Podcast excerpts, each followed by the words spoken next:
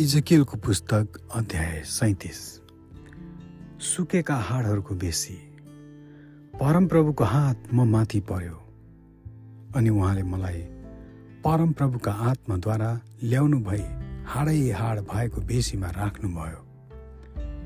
उहाँले मलाई ती हाडहरू भरिएको बिचमा तल माथि लानुभयो र मैले त्यस बेसीको जमिनमा थुप्रै हाडहरू देखेँ। ती हाडहरू असाध्य सुकेका थिए। उहाँले मलाई सोध्नुभयो हे मानिसको छोरो के यी हाडहरू फेरि जीवित हुन सक्छन्? मैले जवाफ दिएँ हे परमप्रभु परमेश्वर यो त केवल तपाईँले मात्र जान्नुहुन्छ। तब उहाँले मलाई भन्नुभयो यी हाडहरूलाई अगमबाडी गरेर भन्। हे सुकेका हाड हो परमप्रभुको वचन सुन।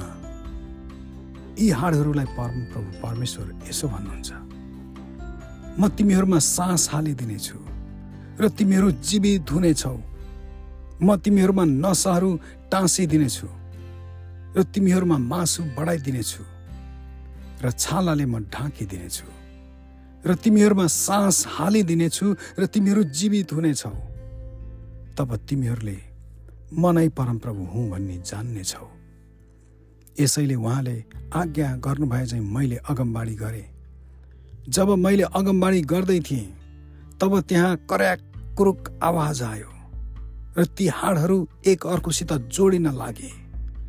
अनि मैले हेर्दा हेर्दै तिनमा नसा र मासु भरिए र ती छालाले ढाकिए तर तिनमा सास चाहिँ थिएन। तब उहाँले मलाई भन्नुभयो हे मानिसको छोरो सासलाई अगमबाडी गर। अगमबाडी गर र त्यसलाई भन्। परमप्रभु परमेश्वर यसो भन्नुहुन्छ हे सास चारै दिशाबाट आइज र यी मारिएकाहरू माथि फुकिदे र ती जीवित भएर उठुन्। तब उहाँले आज्ञा गर्नुभए चाहिँ मैले अगमबाडी गर्न लागे र सास तिनमा पस्यो। तिनीहरू जीवित भएर आ आफ्ना खुट्टामा उभिए र त्यहाँ एक अत्यन्तै ठुलो सेना भयो। तब उहाँले मलाई भन्नुभयो हे मानिसको छोरो यी हाडहरू जम्मै इजरायलको घरना हो। तिनीहरू भन्छन् हाम्रा हाडहरू सुकिसके र नसा नै हरायो। हामी त्यागियौँ।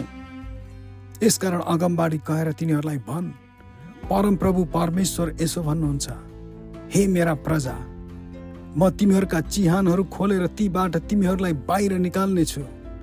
म तिमीहरूलाई इजरायलका देशमा फेरि ल्याउनेछु। तब हे मेरा प्रजा जब म तिमीहरूका चिहानहरू खोलेर तीबाट तिमीहरूलाई बाहिर निकालेर ल्याउनेछु तब तिमीहरूले म नै परमप्रभु हुँ भन्ने जान्नेछौ। म मेरो आत्मा तिमीहरूमा हालिदिनेछु र तिमीहरू बाँच्नेछौ। म तिमीहरूलाई तिमीहरूको आफ्नै देशमा बसाल्नेछु।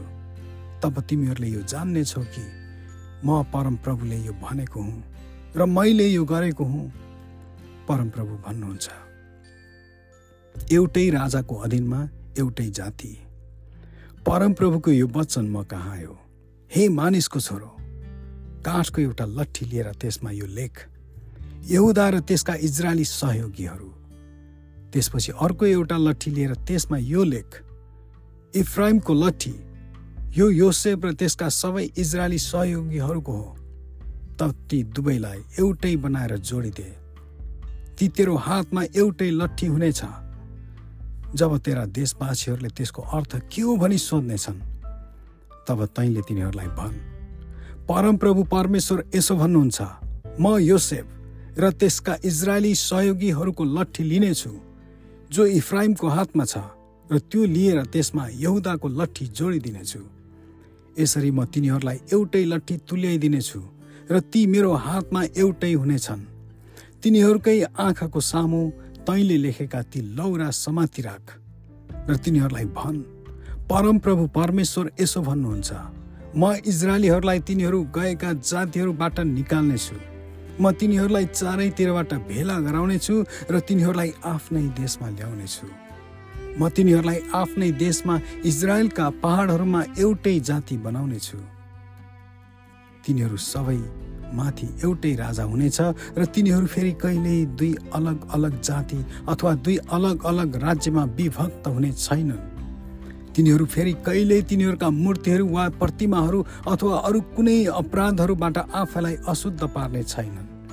किनकि म तिनीहरूका पापी चालहरूबाट तिनीहरूलाई बचाउने छु र तिनीहरूलाई अशुद्ध पार्ने शुद्ध पार्नेछु तिनीहरू मेरा प्रजा हुनेछन् र म तिनीहरूका परमेश्वर हुनेछु। मेरो दास दाउद तिनीहरूमाथि राजा हुनेछ र तिनीहरूको एउटै गोठालो हुनेछ। तिनीहरूले मेरा नियमहरू पालन गर्नेछन् र तिनीहरूले मेरा विधिहरू पालन गर्नलाई वास्ता गर्नेछन्।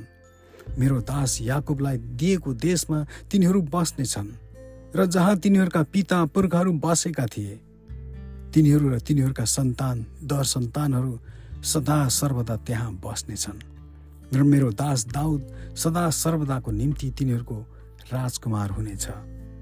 म तिनीहरूसित शान्तिको करार बाँध्नेछु र त्यो सदा सर्वदाको निम्ति हुनेछ। म तिनीहरूलाई स्थापित गर्नेछु र म तिनीहरूको सङ्ख्या बढाउनेछु। तिनीहरूका बिचमा सदा सर्वदाको निम्ति म मेरो पवित्र स्थान राख्नेछु। मेरो वासस्थान तिनीहरूसँगै हुनेछ। म तिनीहरूका परमेश्वर हुनेछु र तिनीहरू मेरा प्रजा हुनेछन्। तब जाति जातिहरूले यो जान्नेछन्। कि म परमप्रभुले नै इजरायललाई पवित्र बनाउँछु जब मेरो वासस्थान तिनीहरूका बिचमा सदा सर्वदा रहिरहन्छ। आमेन।